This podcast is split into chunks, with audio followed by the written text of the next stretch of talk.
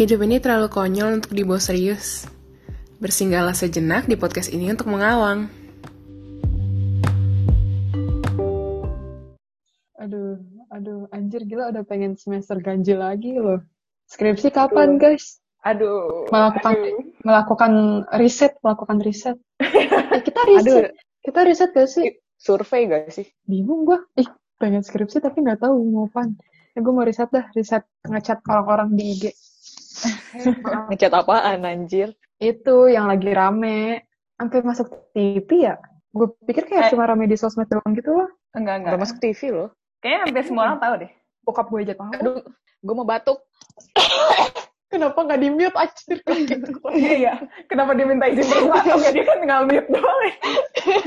tapi, tapi dia baik. Kali ini dia ngasih aba-aba. Biasanya nggak dikasih aba-aba. Biasanya kaget kita satu eh, negara. Iya.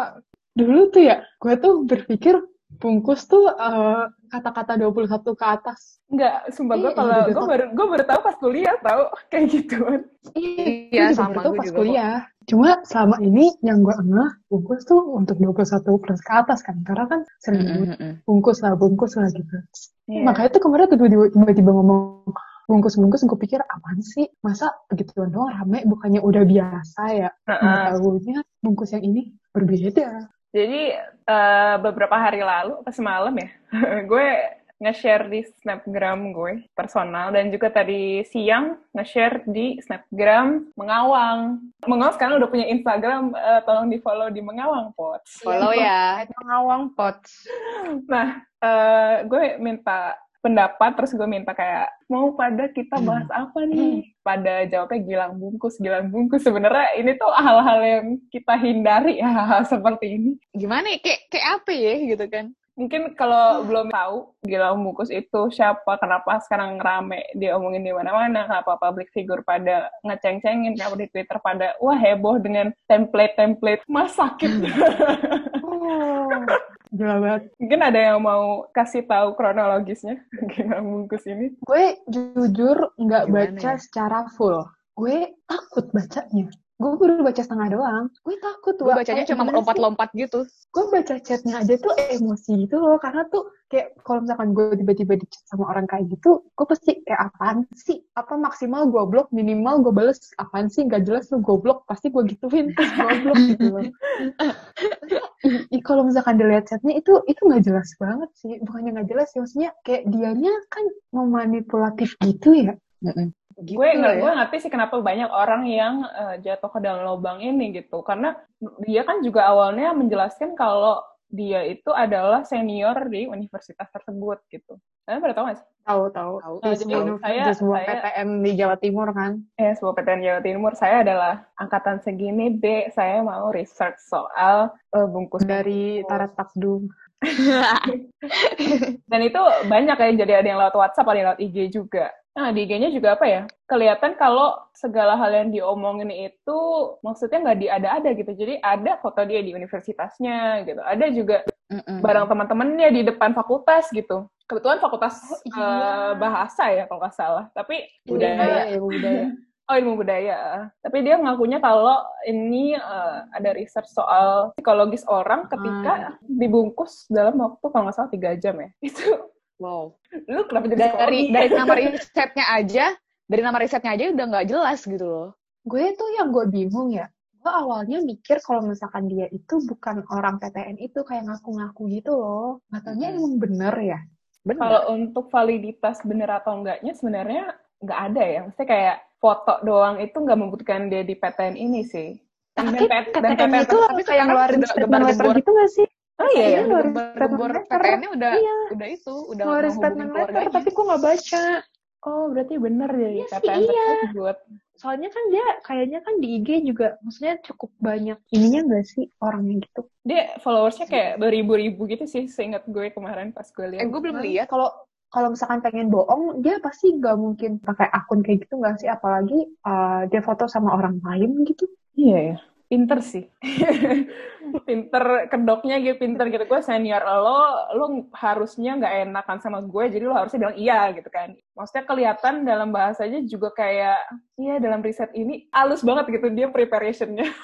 Padahal kalau kita baca juga ini apaan sih anjir tapi dengan bahasa yang tertata tersebut orang mana pun bisa kayak oh kayaknya ini emang bener. Maksudnya kan kalau dalam lu nge-research sesuatu gitu loh kayak orang bisa aja gitu skripsi untuk hal yang belum ada di dunia sebelumnya gitu loh. Yang aja kayak oh mungkin emang ini hal baru di Indonesia. Kan skripsi nggak harus yang ada sebelum sebelumnya kayak kalau kita jurisdiksi apa jurisdiksi apa nggak harus gitu kan. Kalau kita juga bisa mikir kayak oh sekarang baru ada MRT kita kayak gini deh oh sekarang baru mungkin orang-orang mikir kayak baru nih. Oh ya udah iya senior gue ini. Gitu kan.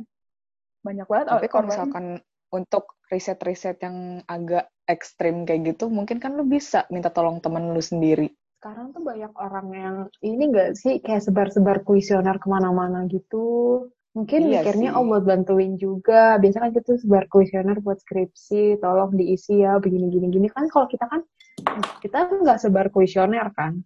Mm-mm. Tapi kalau kayak gitu. Cuma kan dia Sebenarnya sih itu Kenapa? dilakukan bener-bener ke orang itu, bukan hanya sekedar kuesioner gitu loh. Iya sih. Mungkin niatnya membantu kali ya. Soalnya tuh dari chatnya dia juga kayak meyakinkan banget gitu nggak sih? Bilangnya dia oh udah berapa semester gitu nggak lulus lulus kan? Udah semester 10 nggak lulus lulus apa? Oh iya iya iya gitu, iya. benar-benar orangnya- benar-benar orangnya tuh orangnya kayak kasihan gitu loh. Menjual kasar Oh, kasihan sih. menjual kasihan orang. kayak orang bilang eh, sorry kak gue nggak bisa. Terus dia ngejual kayak ayolah deh gitu-gitu terus kalau misalkan nggak jadi dia ngejual eh, kalau dia tuh punya penyakit vertigo gitu terus dia mau bunuh eh, mau suicide gitu katanya. Eh, ini dah pokoknya tipikal orang manipulatif guilt trip. Nggak sebenarnya sih yang gue bingung ya sebenarnya harusnya harusnya nggak bingung sih tapi mungkin karena gue kalau gue kan yang meskipun atas sosmed ya gue followan cuma sama orang yang gue kenal doang kalau nggak gue kenal gue nggak akan followan gitu loh. Nah tapi tuh kayak orang-orang itu kan kayak mereka di DM dulu terus abis itu diminta nomor WA-nya dikasih aja. Gue tuh sebenarnya bingungnya di situ gitu loh. Hmm. Ya. kok ngasih? gitu. Maksudnya ya gue bilang begini bukannya bukannya mau menyalahkan korban sih. Lebih ke apa kok bisa eh, segampang itu ngasih ya? Gitu. Gue karena karena pikir sih. itu seniornya wa kayak oh udah udah terbukti nih senior gue ada fotonya ada angkatannya dia tahu dia tahu apa Iya, satu kampus kenal, gitu kan. kenal seniornya mereka gitu bang siapa himanya kenal jadi gini eh, nanti kalau kamu nggak mau eh, abang tuh temenan loh sama hima kamu ketua himpunan kamu gitu namanya bang ini kan gini gini gini jadi dia tuh kayak menumbuhkan kepercayaan orang tuh dengan Perasaan dia segan. tahu fakta-fakta apa yang ada di lingkungannya orang tersebut gue kenal hima lo dia teman Oh. saya Oh, Wah. dia jual itu juga. jadi begitu. Jago sih jago banget. Smooth. Banget woi. Itu smooth kriminal ding ding ding ding. Eh Smooth gimana criminal. sih lagunya? Ding ding ding ding ding ding. Ding ding ding ding. Ding ding ding ding. Ding ding ding ding. Ding eh gitu kan lagunya smooth kriminal kan? Iya. Iya. Tapi gue tuh baru pertama kali denger fetish seaneh ini gitu. Jadi pas gue baca gue kayak aneh banget gitu. Kayak bener-bener aneh banget sampai gue ih gitu. gue awalnya mikir itu bukan fetish gue awalnya mikir kayak "Ah, ini orang rada-rada ya tapi ternyata tuh kayak banyak banget yang jelasin ini tuh salah satu fetish dari BDSM Sado sado masokis. sebenarnya Ini gua- apa ya kalau gue ngomong gini podcast kita episode ini jadi 21 plus gak sih eh jadi ntar bisa dikasih tanda kenapa Den? gue nggak tahu yang ngomong dari mana ya. Kalau untuk dari fetish ini sebenarnya gue nggak begitu kaget gitu kan, karena mungkin emang banyak orang yang nggak tahu, ya khususnya perempuan yang nggak tahu kalau lawan ngomong aja ngomong aja. Jadi eh, kan laki-laki itu banyak dan mereka tuh berbeda-beda. Jadi eh, hal yang meningkatkan gairah seksual mereka itu juga berbeda-beda gitu. Dengan melihat kasus ini dibungkus apa dan sebagainya itu sebenarnya hal yang wajar. Karena tiap manusia nih sebenarnya seaneh-anehnya fetish tuh pasti orang punya gitu. Misalkan ada juga yang ada yang fet- demen maaf, ngisap jempol kaki kakinya. Ya maaf juga maksudnya kayak dal- dengan berpakaian gitu nggak cuman cewek seksi gitu ada yang hasil Oh. seksualnya tuh meningkat kalau melihat yang bercadar orang bercadar oh iya iya gue Oh iya iya benar benar benar benar. kan orang kan kalau bilangnya kan kalau misalkan perempuan dilecehin berarti kan karena bajunya padahal ada yang pakai kerudung panjang bercadar pun dibilangnya apa namanya katanya fetis cowoknya suka ngeliat cewek-cewek bercadar kan iya Iya. Iya berbeda-beda banget sih macam fetish itu. Cuman emang nggak dipublikasikan di sosial media. Mungkin kalau di akun-akun yang kayak Manfest 18 plus mungkin banyak ya. Cuman kalau untuk diketahui dengan orang-orang awam, apalagi mahasiswa kayak kita tuh kayaknya agak terlalu open minded untuk tahu gitu. ya, kita nggak se-open minded itu untuk tahu hal-hal tersebut gitu walaupun kita orangnya barbar cuman kan kayak gitu agak ada batasannya gitu Wah. loh. gue bukan gue bukan iya sih. Gue lebih kayak ke hah? Ada orang kayak gini? Iya. Iya. gue gitu gue lebih ke Serius. mikir kayak gitu sih. Tapi terus waktu itu eh, Arab gak sih? Reja Arab gak sih yang bikin tweet? Aduh Peter gue dia? aku salah lagi. Dia ngomong gini setiap orang fetishnya pasti ada beda-beda kok. Coba di sini yang reply fetishnya kalian gitu. Apa no judgment ya kayak gitu. Gue nggak baca bacain semuanya sih cuma eh, ada yang ada yang aneh-aneh tapi nggak ber- nggak nggak semua berbau seksual gitu. Mungkin dia demen sama jempol kakinya atau sama kakinya apa gimana sebenarnya di sini juga yang jadi masalah bukan fetishnya aja maksudnya Iya. it's okay kan fetish lu apa gitu kan tapi ini yang bikin Iya. masalah itu karena lu merugikan orang lain kan gitu orang kan lain. Karena tanpa tanpa konsen orang lainnya itu kan yang dipermasalahin. Iya. L- lalu fetishnya apa terserah lu gitu tapi lu jangan merugikan orang lain sampai beberapa hari lalu tuh kalau nggak salah ada suggestion di Twitter eh, thread tutorial cowok kalau mau ngedate pertama kali agar tidak membungkus lakinya kayak gitu ya. Pokoknya ada satu poin yang bilang kalau lu harus ini salah satu episode yang paling kita agak ragu untuk mengeluarkan suara ya ter awkward terawkward lu harus aduh bahasa intinya lu harus masturbation sebelum ketemu cewek di first date karena kan Why? Elah. Oh, ah, I know I know ngerti Jadi gini ngerti. loh, ketika lu pertama kali ngeliat seseorang, untuk terutama orang-orang yang fetishnya receh gitu loh, fetishnya cuman yang kayak cewek ngapain tiba-tiba sama. atau pipi ceweknya tembem lah Iya gitu, karena banyak juga eh, orang yang kayak hasrat seksualnya eh, dibangkitkan di saat first date karena dia tuh nggak expect apa-apa soal ceweknya kan. Eh gue ke dulu ya lama gitu, terus baru balik lagi. Itu kayak salah satu teknik cowok gitu sih.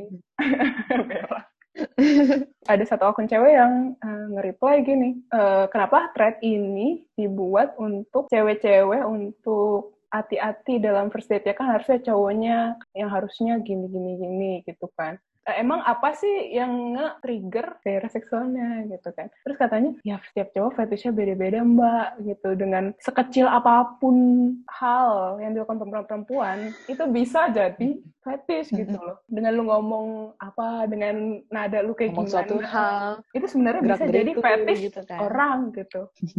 yang gue heranin tuh apa dalam kasus Gilang ini. Jadi dia kan cuman ngechat orang terus suruh foto, suruh video temennya gitu kan. Itu menurut gue aneh gitu loh. Bukan, bukannya langsung dibungkus da- sama dia enggak kalau nggak salah sih ada yang ketemu ya. kan ada yang ketemu ada yang enggak ada yang dengan dia melihat videonya aja udah Tapi kalau yang ketemu itu berhasil. yang ketemu tuh kalau nggak salah aduh sampai kena BJ yang ketemu Oke. Bingung juga ya. Sebenarnya ini hal-hal sensitif ya. Kita tuh sebenarnya boleh kan nggak se- sebagai sex education juga. Juga banyak uh, statement yang datang dari masyarakat kalau mereka memojok orientasi seksual si pelaku gitu. Yang menurut gue itu nggak unnecessary nggak sih? Iya maksudnya nggak penting lu melihat orientasi seksual fantasinya dengan- dia. Iya lu nggak bisa yang ngejudge. dipermasalahkan kan sexual assaultment-nya. Iya lu lu nggak bisa menilai satu komunitas hanya karena satu orang Iya, hanya karena satu orang gitu. Tidak berkaitan orientasi seksual dengan faktor lu untuk melakukan kekerasan seksual. Begitu, jangan gara-gara dia bisexual terus lu kayak, ah LGBT semuanya, Eh, enggak, enggak sekali, weh, gitu. benar gitu Gue- ya. gue punya temen yang gay tapi dia nggak kayak gitu Mereka baik kok. Ay. iya sama kok teman gue nggak kayak gitu kok Dela, Dia kayak Dela karena- temennya, karena Dela, Dela gitu. temen deketnya malah kan, temen deket lu malah iya. kan gue pernah baca story dia gitu kan kayak ada temen dia yang kalau ada dia pas si temennya itu lagi ada cowoknya dia kayak takut gitu kayak takut cowoknya diambil atau takut cowoknya digrepe-grepe gitu terus dia marah gitu heh gue tuh emang gay tapi gue nggak kayak gitu maksudnya kalau ada tem- cowok temen nggak bakal gue embat juga gitu kan Ya Kayak, iyalah. juga ada adab Iya, Heeh. selera juga kali. Pokoknya digituin. gue juga pilih-pilih kali masa pacar temen gue embat gitu Iya sama aja yang kayak kita yang orientasinya straight. Sebenarnya kalau kita cewek, semua semua cowok kita gituin kan enggak. kasihan Heeh. mereka dipandangnya nggak baik gitu loh Iya nih gue kan temen gue ada gue emang tahu sih dia bukan bu- bukan tipe orang yang bakal menerima hal-hal kayak gitu gitu loh sebenarnya gue punya teman. Eh, terus dia kan ngomongin masalah ini sama cowoknya kan. Terus Yes. cowoknya bilang apa namanya ah itu mah dia apa ah itu mah orangnya gay. Orang chatnya apa cara chatnya aja kayak gitu. Kalau cowok cara chatnya tapi nggak kayak gitu. Gue kayak yang uh, ya you don't have rights to judge his Lo nggak bisa identify sexual orientation orang dengan cara dia ngomong atau dia berpakaian gitu loh. Jadi lo nggak bisa ngelihat orientasi uh, seksual orang dalam hal-hal yang dilakukan di hidup gitu.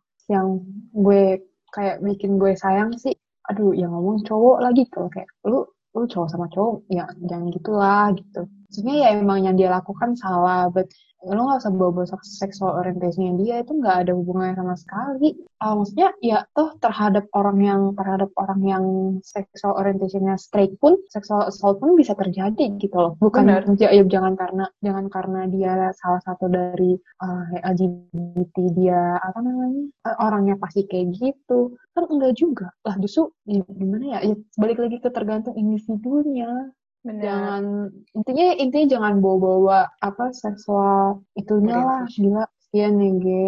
Bahkan sexual harassment, sexual assault itu banyak dilakukan oleh orang-orang terdekat. Maksudnya nggak cuma dari teman, nggak cuma dari mantan pacar atau pacar gitu, tapi juga eh, dalam lingkup keluarga. Jadi di Indonesia tuh sebenarnya dalam tiga tahun terakhir ini sexual harassment itu meningkat sekitar 300% gitu. 300 persen? 300 persen. Ini gue baca Lo dari baca di mana? dari Komnas Perempuan, Komnas Perempuan Indonesia. Jadi meningkat dari 2000, 2016 sampai 2019 itu meningkat 300%. Di setiap harinya, saat dalam satu hari, itu ada 35 orang perempuan mengalami kekerasan seksual gitu. Jadi, ya lu bayangin, nggak sampai sejam aja itu berarti ada dua kan? Eh, eh, nggak sampai dua Iya. jam itu ada dua orang yang kena sexual harassment or assault Harassment. di Indonesia gitu. Makanya tuh Kan kayak... parah berita juga ya. yang baru itu nggak sih? Berita baru yang ada anak remaja, dia ngebunuh bapak. Ya, ya, ya. Gara-gara bapak tirinya suka perkosa adiknya kan. Dan ma- mamanya disiksa gitu kan. Itu kayak anjing kok binatang banget gitu loh. It's your daughter. Kayak kurang ngajar gitu loh. Iya Binatang kayak, kalah itu banget sih. lo.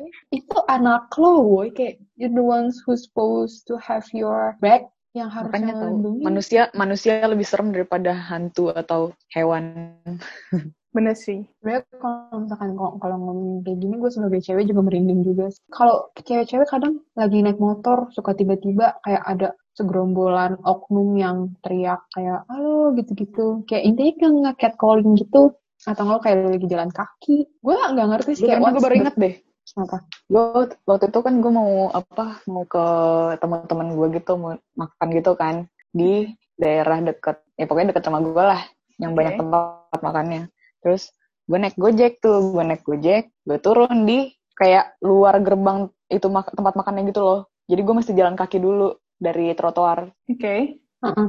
Dan di situ ada segerombolan bocah-bocah kampret gitu kan kayak mas-mas gak jelas gitu. Adalah empat atau lima orang gitu lagi ngerokok sambil ya bobo motor gitu lah, duduk di motor ngerokok gitu terus kayak eh, kayak kayak yang diket calling gitu gue, hey, sweet sweet gitu kan kayak gitu. Terus gue jalan aja gue diem. And one of them try to touch me gitu kan. Tapi tapi gue pas jalan gue tahu gue diikutin dari belakang. Kayak gue mau di kayak pengen di touch gitu loh. Tapi akhirnya kayak nggak tahu kenapa tiba-tiba mereka nggak jadi touch gue gitu. Kayaknya gara-gara gue cepetin jalan gue deh. Itu siang-siang, Del. itu serem banget cuy. Padahal siang. Serem banget, anjir. Iya. woi. Serem banget. Aja gue deg-degan anjir. Terus gue pas masuk masuk anjir anjir. Gue tadi dipegang gue bilang gitu kan sama temen gue ah serius lu di mana gitu. Itu di depan tadi gitu. Jadi pas keluar kuliah restoran gue takut deh. Keluar mereka udah gak ada.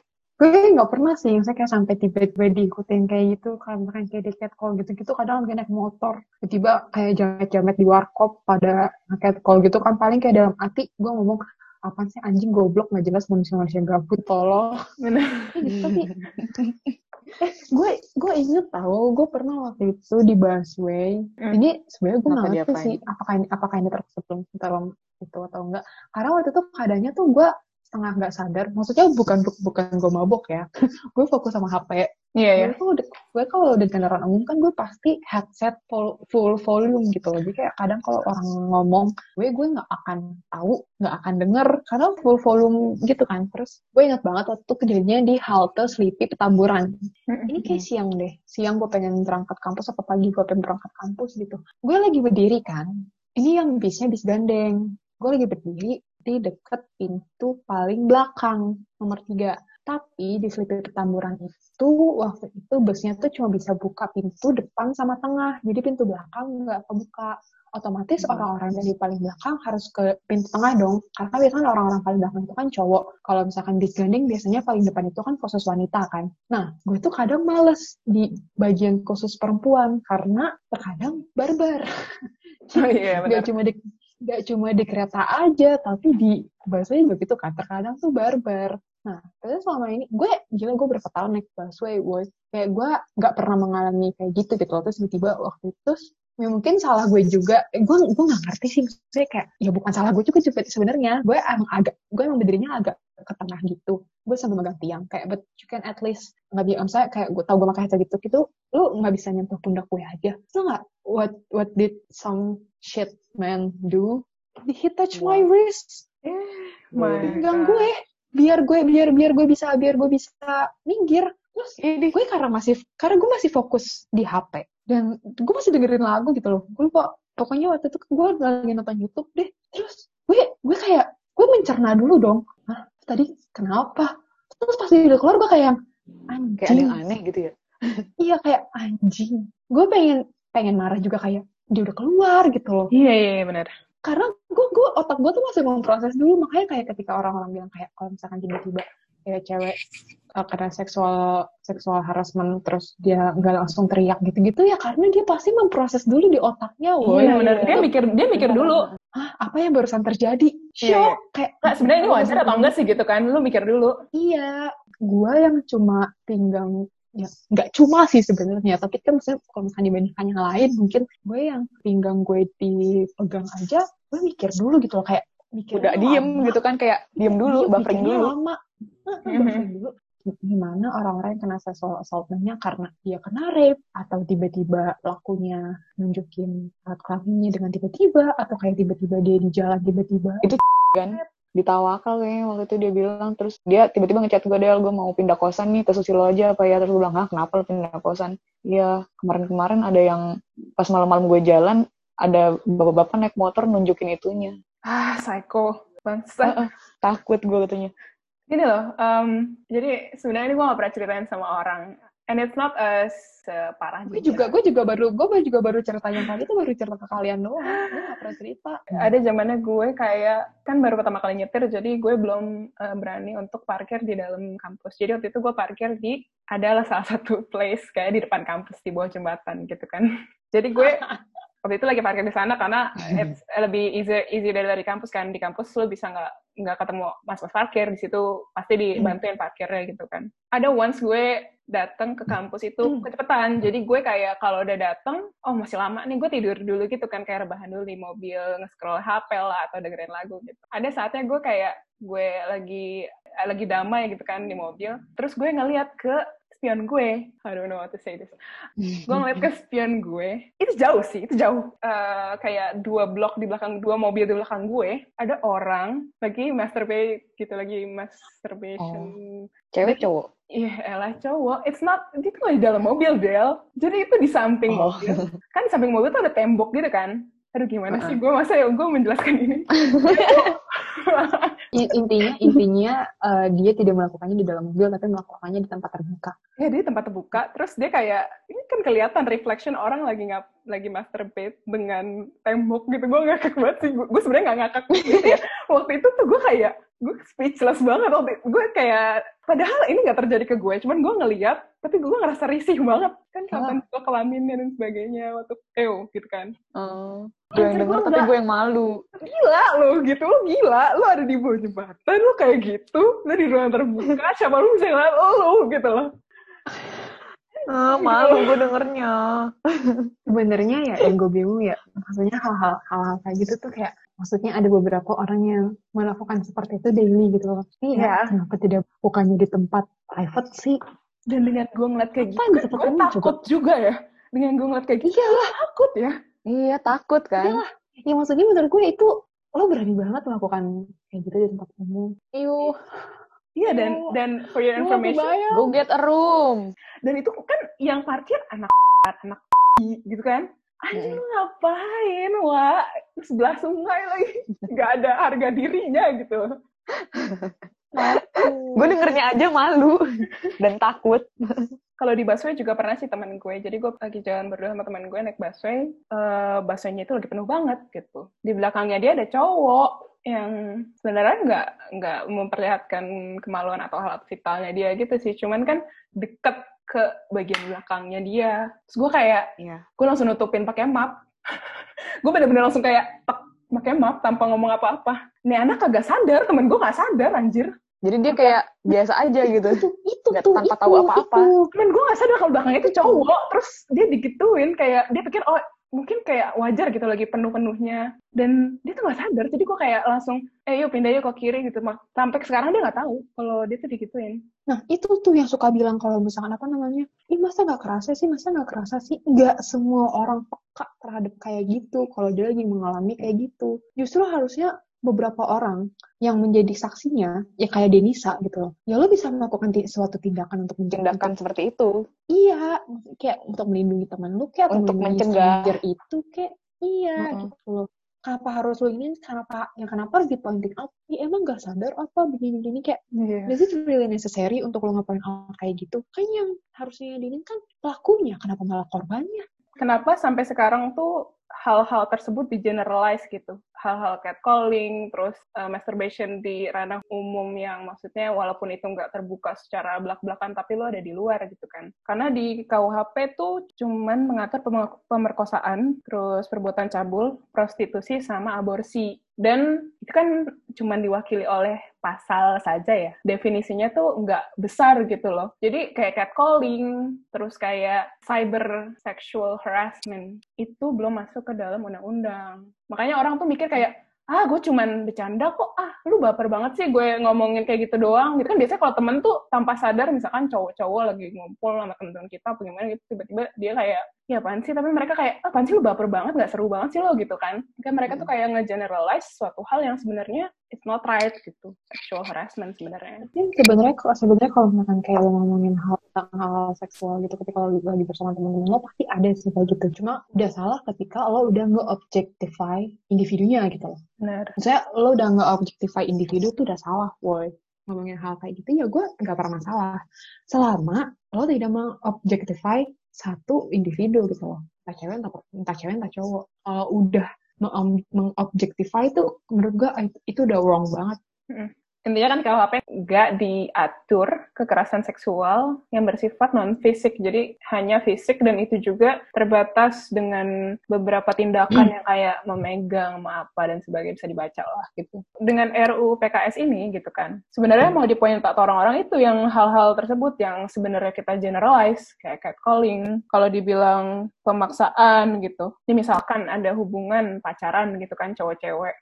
Cowoknya ini pengen melakukan perbuatan seksual gitu ke ceweknya. Cuman ceweknya tuh nggak mau gitu kan kayak ah aku belum siap dan sebagainya. Terus cowoknya ini ngancem dia untuk kayak ah kalau kamu nggak mau kita putus gitu. Hal tersebut belum bisa disebut kalau itu kekerasan seksual kalau di KUHP sedangkan kalau di RUU PKS itu bisa gitu. Oh iya sih sebenarnya kalau kenapa begitu juga kan karena KUHP kita tuh KUHP jadul guys, KUHP turunan Belanda nggak sih? Belanda. Iya, makanya tuh kenapa dibuat revisinya kan, tapi ternyata dibuat revisinya juga tidak benar. sama aja Wak Sama ada yang ya tidak sesuai lah gitu loh. Ya itu makanya lah dibuat terpisah aja. Dibuat Maksudnya dibuat by- terpisah dibandingkan eh, dibandingkan kayak dimasukkan ke KUHP karena KUHP itu udah tebel banget, capek gila. Kalau dilihat misalkan perkawinan, oke di KUHP diatur gitu. Tapi kan ada juga kayak khususnya. Sedangkan kalau kekerasan seksual, oh ya udah cuman eh, sebatas definisi yang ada di KUHP, Oh, yang sedikit dan sempit banget gitu loh. Yang di mana eh, polisi bisa nanya, kamu menikmati apa enggak ketika diperkosa? Wah itu anjing sih. Jadi oh, iya, nggak pernah gue ngerti ya. Heeh. Maksudnya hal-hal kayak gitu tuh kenapa sih dipertanyakan nggak mikirin istrinya apa atau anak perempuannya yang digituin? gila sih. Iya. Eh, misalkan lu melihat satu cerita gitu tentang orang tua, kan orang tuanya kenapa? Kayak lu pasti langsung keinget orang tua lu kan. Jangan sampai orang tua gue begini, gini, gini gitu loh. Terus kalau misalkan orang untuk laki-laki, untuk gue nggak mau bilang laki-laki juga sih, karena kan ada juga perempuan yang melakukan itu ya. Ya pokoknya untuk individu itu yang melakukan itu, lo nggak mikirin kalau misalkan keluarga lo yang digituin apa maksudnya posisikan posisikan diri lo kayak gitu sih iya memang sih semua orang punya hawa nafsu gitu loh mau cewek mau cowok maksudnya lo juga harus bisa mengontrol itulah sama aja kayak emosi semua orang punya Hmm. kadar emosinya masing-masing tapi kan Mm-mm. nggak semua orang bisa Tapi lu yang punya kendali karena atas semua itu. Nah, lo punya kendali atas diri lo. Orang lain mah nggak punya kendali atas diri lo, woi. Jangan karena lo nggak punya kendali atas diri lo, orang lain yang dirugikan, orang lain yang mengalami trauma. Gue tuh pernah dikasih tahu sama temen gue. Dia waktu itu pernah ngomongin kan sama temennya nonton di YouTube apa baca gitu. Maksudnya kan selama ini kan banyak korban korban seksual assaultment itu uh, perempuan kan. Maksudnya gue tidak gue tidak mengatakan kalau laki-laki tidak ada, laki-laki ada, tapi ya mungkin 70% perempuan yang kena gitu loh. Kenapa begitu? Karena perempuan sama laki-laki sebenarnya tuh punya nafsu seksual yang gede juga. Tapi perempuan tuh lebih ke membaca. Kalau laki-laki lebih ke visual. Makanya kenapa banyak, kenapa nih kayak film-film kayak Fifty Shades of Grey, terus 361 DNA, DNI itu, yang nulis tuh perempuan. Oh, malah. Karena Hmm. begitu guys. Ini juga ngasih tahu kalau perempuan yang yang baca fanfic kan banyak kan perempuan emang kan. Heeh. Iya. Ah, Jadi Oh, begitu. begitu. Gue gak tahu tuh maksudnya itu suatu penelitian atau gimana. Pokoknya temen gue bilang dia nonton di YouTube. Terus dia ngomong, makanya jah kenapa Fifty Shades of Grey, After. Pokoknya ya film-film kayak gitu tuh rata-rata diangkat dari novel kan. Nggak pure film. Dan diangkat dari novel, nah yang biasanya penulisnya kan perempuan kan. Yang Fifty Shades of Grey itu kan dari dari fanfiction Twilight, if I'm not mistaken Iya, iya, iya. terus di buku terus yang film tiga yang film 365 Days kan juga itu kalau nggak salah ditulis itu dari novel gitu deh dari trilogi gitu nulis perempuan Benar, benar, benar, benar. Kalau dipikir, eh, maksudnya kan eh, segala karya karya pornografi itu dari tangan perempuan dan laki-laki, cuman beda banget sih. Kalau dari visual, ini kenapa gue ngomong gini sih? Kalau dari visual dan film yang di em, yang dari novel gitu kan, gue nggak tahu ya gue belum nonton Fifty Shades of Grey. Tapi menurut kalian dari novel itu eh, ceritanya masih bisa ditolerir gitu nggak sih? Maksudnya ceritanya itu jelas gitu. gue Eh, nggak baca novel ya Gue baca- gak baca novel kayak begitu. Tapi nonton gak aja? nonton gue nonton, gue nonton cuma gue skip skip skip karena gue nggak tahan. Nah, nggak terus menurut lo nonton ceritanya itu kayak ah dan dan tak sih. Maksudnya kayak oke nggak maksa gitu. Iya apa enggak gue penasaran. Kalau novel tuh alurnya tuh ada gitu loh. Kayak apa yang terjadi sebelum itu dan apa yang terjadi setelah itu. Jadi kayak nyambung aja gitu menjadi salah satu bagian dari cerita itu gitu. terus kalau Cici Heeh. waktu SMA kan lo nonton sama teman-teman ya? Temen gue ada yang nonton di kelas anjing.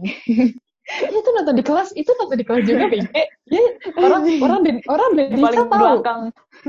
Enggak, oh, waktu itu kan waktu itu, waktu itu nggak nonton full dan gue kayak cuma apaan sih apaan sih gitu loh. Terus temen gue bilang kan kayak bagus BG aja nonton dah nonton dah nonton dah.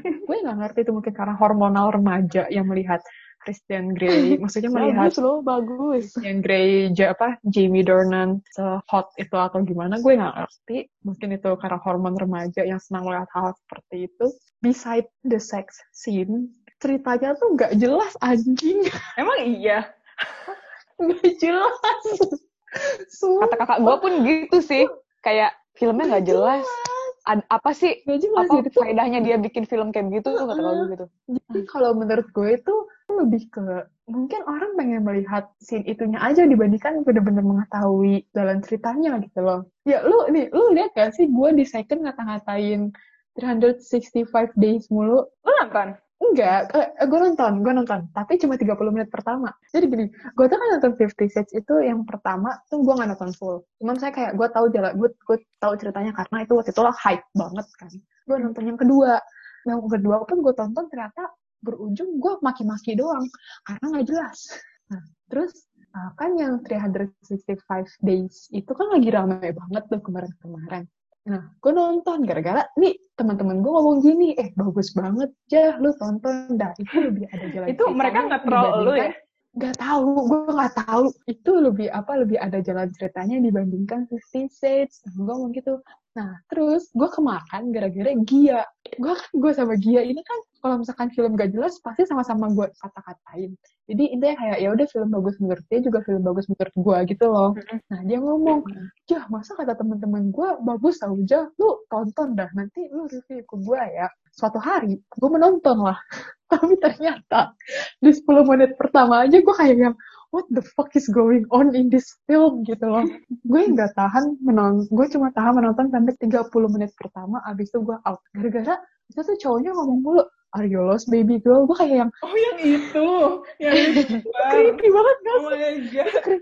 itu creepy banget kan terus yang reaktornya di itu ngomong gini why why does this man keep saying that it's so creepy gitu loh itu menurut gue itu tuh film film 365 days itu tuh mengglorify sexual assaultment karena gini loh kan itu film film itu kan jadi ceritanya tuh dia tentang seorang mafia yang menculik perempuan karena dia suka dengan perempuan itu. This is basically every Wattpad story, every Wattpad trash story gitu loh. Uh, Iya. Dia diangkat ke film. Terus, ah, abis itu diculik nih. Kan dia ma- mafia bos besar, berarti kayak he can do anything gitu loh. Abis itu dia nyulik ceweknya ini, terus dia ngomong gini ke ceweknya kayak, I won't touch you without your permission tapi tuh tapi tapi tuh kayak tetap aja dipegang tanpa permission ceweknya terus abis itu ya ada satu adegan yang di mana tuh ceweknya itu melihat di kamar dia yang diculik itu ada foto dia gede banget dude lo kalau banget. di- lo kok- itu creepy banget loh lo kalau diculik terus tiba-tiba melihat lukisan lo foto lo segede-gede gaban ada di kamar itu kayak lo pasti bakal menjerit teriak out at least kayak lo berusaha kabur gitu kan. Ini enggak. Dia kayak yang oh fuck. Terus tiba-tiba cowoknya datang terus ngomong lagi are you lost baby girl? Sumpah itu itu itu dialog diulang-ulang se- sepanjang film. Sumpah itu diulang-ulang mulu. Sampai tuh yang di reaktornya tuh ngomong gini pakai tawa. Coba how many time do we have to tell this old man she's not lost? She's not lost loh kan lu yang nyulik dia goblok. Kan gitu gue kenapa gue decided untuk ya udahlah 30 menit pertama. Udah terus gue nggak nonton lagi. Karena gue tahu itu kan diculik kan terus nanti itu pasti ceweknya suka sama cowok itu gitu loh. Iya itu tuh Stockholm syndrome banget boy. Terus suka sama, Sama yang terjadi Oh di Money Heist. Iya sih, iya sih Stockholm syndrome sih. Tapi tidak terjadi sexual harassment gitu. Kalau yang di ini kan terjadi. Iya kenapa sih? Kenapa sih kan udah di zaman sekarang ya? Kenapa mereka masih membuat film kayak gitu? Kenapa masih mengglorify kayak gitu gitu loh? Maksud gue, ya mungkin memang pasarnya ada gitu loh. Tapi kan, Iya. man, it's 2020 gitu loh. Kenapa sih lo harus masih harus mengglorify hal seperti itu tuh justru bukan hal-hal yang harus diglorify apa orang-orang pada bilang sampai cewek-cewek pada bilang dia suka sama film itu atau gimana-gimana bahkan nih gue baca salah satu di salah satu thread di Twitter. Dia nge-quote tweet dari yang quote tweetnya si eh, Gilang. Hmm. yang predator fetish kain kain jarik gitu kan. Terus ada dari eh, Twitter at Bohemian Flirt dia ngomong gini kan. Eh, salahnya pada kasus ini si pelaku sangat manipulatif dan mengelabui para korbannya dengan mengatakan untuk riset. Sedangkan perilaku seksual apa pun yang benar adalah konseksual harus mendapat konsen kedua belah pihak untuk melakukan hal tersebut benar dong Iya. Nah, terus dia bahas. Ingat kasusnya Ted Bundy, American killer terkenal dengan paras Oh, iya, iya. pahlawan dan otak cemerlang yang melakukan penculikan, pemerkosaan, dan pembunuhan serta memiliki nekrofilia atau ketertarikan seksual terhadap mayat. Ya ini bukan saja yang dia eh bukan ya, bukan yang istrinya meninggal terus dia tinggal dengan mayat istrinya itu bukan, bukan ya? Itu Hmm. iya juga gak sih? Eh, bukan bu- bukan bukan istrinya sih. Kok nggak salah tunangannya deh. Oh iya ya. Nonton series dokumenter. Ternyata ada series dokumenternya guys di Netflix. A Conversation with a Killer, The Ted Bundy Tapes. Ini beneran bikin bergidik dan merinding as fuck. Semua korban diculik, diperkosa, dibunuh, lalu diperkosa lagi. Dan korbannya lebih dari 50 orang. Ted Bundy Ya was literally American most notorious serial killer in his own words. Serem Ted. Bundy dinyatakan bersalah atas kasus penculikan, pembunuhan, pemerkosaan, dan memiliki nekrofilia, ketertarikan seksual yang menyimpang terhadap mayat. Makanya setelah para korbannya dibunuh pun, diperkosa lagi sama, Ted, si Ted Bundy ini. Akhirnya dia divonis hukuman mati menggunakan setruman saat umurnya 43 tahun. Wow. Ah, nih, setelah Netflix officially release series dokumenter ini, ah, topik ini menjadi ramai di perbincangan di ranah Twitter. Tololnya, banyak cewek-cewek ABG di luar sana yang memiliki dating issues. Pas ngeliat Ted Bundy ini, mereka malah sexually aroused. Banyak yang nge-tweet, kayak misalnya, I know Ted Bundy is dangerous, but, but oh, he's so hot as fuck. Ada lagi yang, nge- Oh. yang nge-tweet, choke me, Daddy Bundy. Oh, I feel like wanted to have Aduh, sakit. Oh, cowok cewek I, feel like to I feel like wanted to have sex with him. bahkan ada cewek yang nge-tweet kill me daddy Mas. terus setelah maraknya tweet semacam itu Aduh. Netflix merasa harus bertanggung jawab dan meluruskan pandangan orang-orang terhadap tweet Bandi ini. Karena tweet semacam itu sangat amat mudah untuk men-trigger seseorang agar memaklumi murder semacam ini. Kayak yaudah gak apa-apa dia di pembunuh, yang penting dia ganteng dan gue mau perbuat itu sama dia gitu. Padahal menurut gue ya, dibuat itu kan kayak untuk mengas untuk ngasih tahu ini ada loh predator kayak orang serial Se- killer se- yang sesadis ini gitu loh. sesadis ini gitu. Diminta untuk berhati-hati. Iya gitu loh, diminta untuk berhati-hati dan ini malah dijadiin Kill me, daddy. Makanya sih kalau menurut gue kenapa kayak film-film kayak 50 Days, 365 Days gitu tuh masih masih laku tuh ya. They thought it was okay to rape someone as long as you're handsome. No. Beauty privilege ada loh. Ya udah lu mati lah. Udah. ya udah lu mati aja dah. Gak apa-apa. Oh ini guys, dia tuh sebenarnya sempat punya beberapa pacar yang diseriusin, bukan hanya casual dating, tapi tuh dibunuh. Karena nih, da si Bohemian Fleur-nya itu dia juga ngomong lagi kan. Jujur gue cukup intrigued untuk membahas tentang kenapa si Ted Bundy ini bisa sampai punya nekrofilia. Setelah gue tonton 10 episode, Anjir, gue pikir cuma satu film. Series ya? Makanya gue juga series ternyata 10 episode. Panjang banget berarti, Wak. Katanya gini, sebenarnya si Bandi ini sayang dan cinta banget sama pasangannya, si Diane Edwards. Bandi seem to idolize and romanticize his relationship with Diane. Berkali-kali di rekaman itu dia memuji si Diane itu kayak beautiful dresses, beautiful girl, very personable, nice car, great parents. Bahkan dia mention soal gimana mereka sering menghabiskan waktu berdua di mobil VW Beetle-nya sambil jalan-jalan and telling how they love each other. Tapi di sisi lain juga si Bandi ini insecure ke Diane, takut nggak bisa memberikan yang terbaik, ngerasa belum bisa yang ngasih yang terbaik ke Diane. Ada beberapa kali Diane sepertinya mengharap hal lebih dari Bandi. Tapi Bandinya nggak bisa memenuhi kemauan Diane misalnya. Intinya kayak ekspektasi Diane terhadap Bandi itu nggak ketemu dan hal tersebut bikin Bandi makin insecure. Well, gue nggak bilang bahwa hubungan dia dengan Dayan ini adalah satu-satunya alasan Bandi punya nekrofilia ya. Tapi yang gue lihat memang itu berpengaruh besar banget ke psikisnya Bandi. Nekrofilia itu kan ketertarikan seksual terhadap mayat. Ya mayat nggak bisa tanda kutip nuntut atau tanda kutip expect apa pun dari kita kan. Menurut Bandi Iya. ini menjadi solusi atas kesedihan gak bisa memenuhi ekspektasi kegagalan hubungannya dengan si Dayan. Nekrofilia Hmm. ini ngasih Bandi semacam complete power atas para korbannya yang nggak bisa dia lakukan ke Dayan. Karena Bandi nggak mau merasakan rasa takut atas penolakan lagi. Oh. Hmm. Itu udah kayak hardcore sexual assault and harassment. Tuh maksudnya tuh serial killer kayak Ted Bundy aja ternyata mungkin kejadian itu jadi salah satu yang men-trigger apa nekrofilia dia gitu loh. Kalau kayak gini jadi tahu kan sebenarnya peran psikiater, peran psikolog itu penting banget gitu loh. Kalau mu- mungkin kalau dia diselamatkan psikisnya lebih dulu itu tidak akan terjadi. Mana kita tahu kan?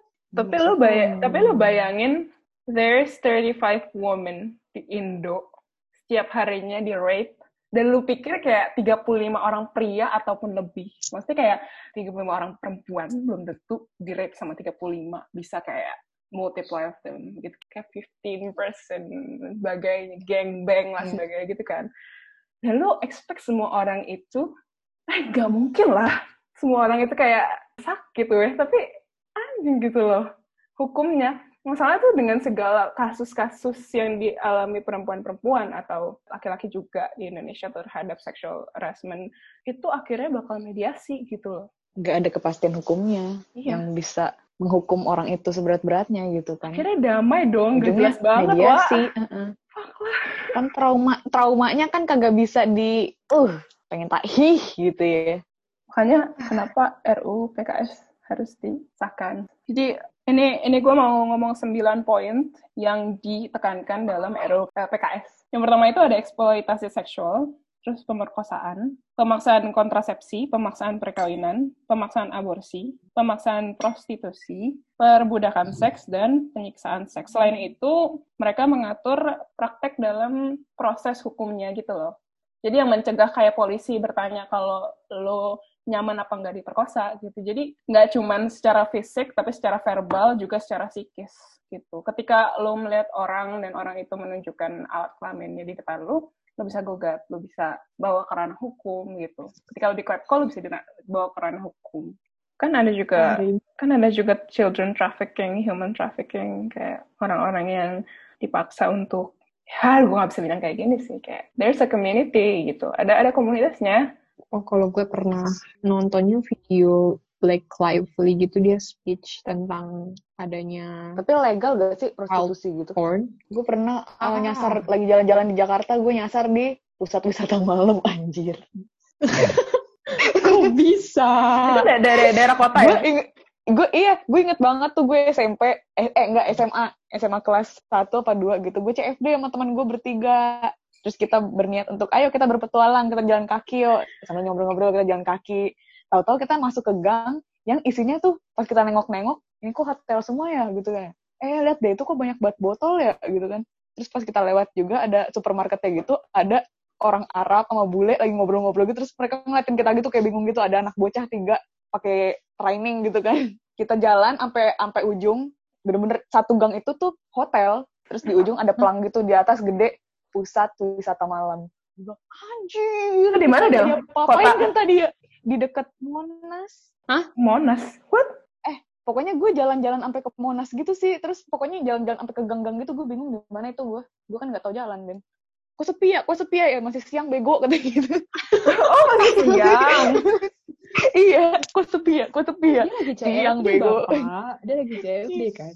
ya siapa tahu nih Cewek-ceweknya kayak lagi pada kayak kita ber- berpetualangan di Jakarta sampai malam gitu kan siapa tahu Berpetualang bersama sama. ayo kita jalan-jalan ya Berpetualangnya nggak ke tempat itu. Eh, sebenarnya eh, salah satu concern perempuan Indonesia nih ya menurut gue nggak mau nggak mau speak up atau enggak nggak mau melaporkan kalau dia terkena sexual harassment itu karena ketika mungkin yang tadi kayak kalau lu di proses hukum eh, penyidik tuh bakal memojokkan bakal mempersulit lo. Terus yang kedua menurut gue dari pelakunya juga. Jadi pelakunya itu banyak kala di mana ketika ketika si korban ngelaporin pelakunya itu ngeklaim korbannya atas pencemaran nama baik. Itu sebenarnya yang kayak concern terbesar sih Atau kayak kadang doom susah susah membuat buktinya loh. Em, kalau di undang-undang kita tuh kekerasan seksual itu hanyalah kejahatan terhadap susila gitu loh. Kayak rasa moral malu gitu. Sedangkan kan hal hal tersebut lebih dari itu. Fisik psikis. Nah sebenarnya yang nggak di point out sama KUHP itu gitu. Dan Makanya kurang gitu masih terjadi. Dan kurangnya dan definisi. akan selalu terjadi UU PKS ini diperjuangin banget sama uh, banyak rakyat Indonesia gitu. Karena ini kayak memperjelas segala hal gitu loh.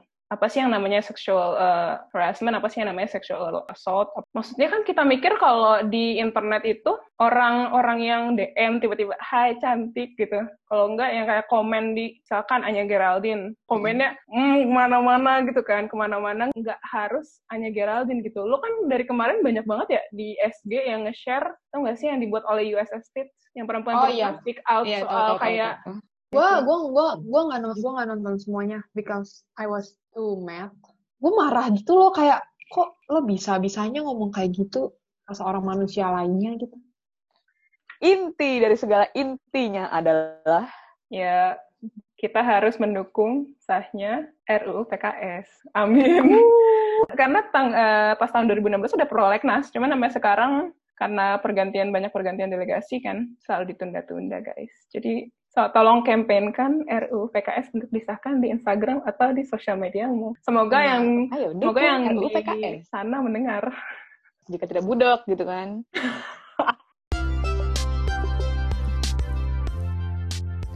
Thank you for listening. Jangan lupa Mengawang udah punya Instagram. Jangan lupa di follow ya. Mengawang Pots. Makasih semuanya.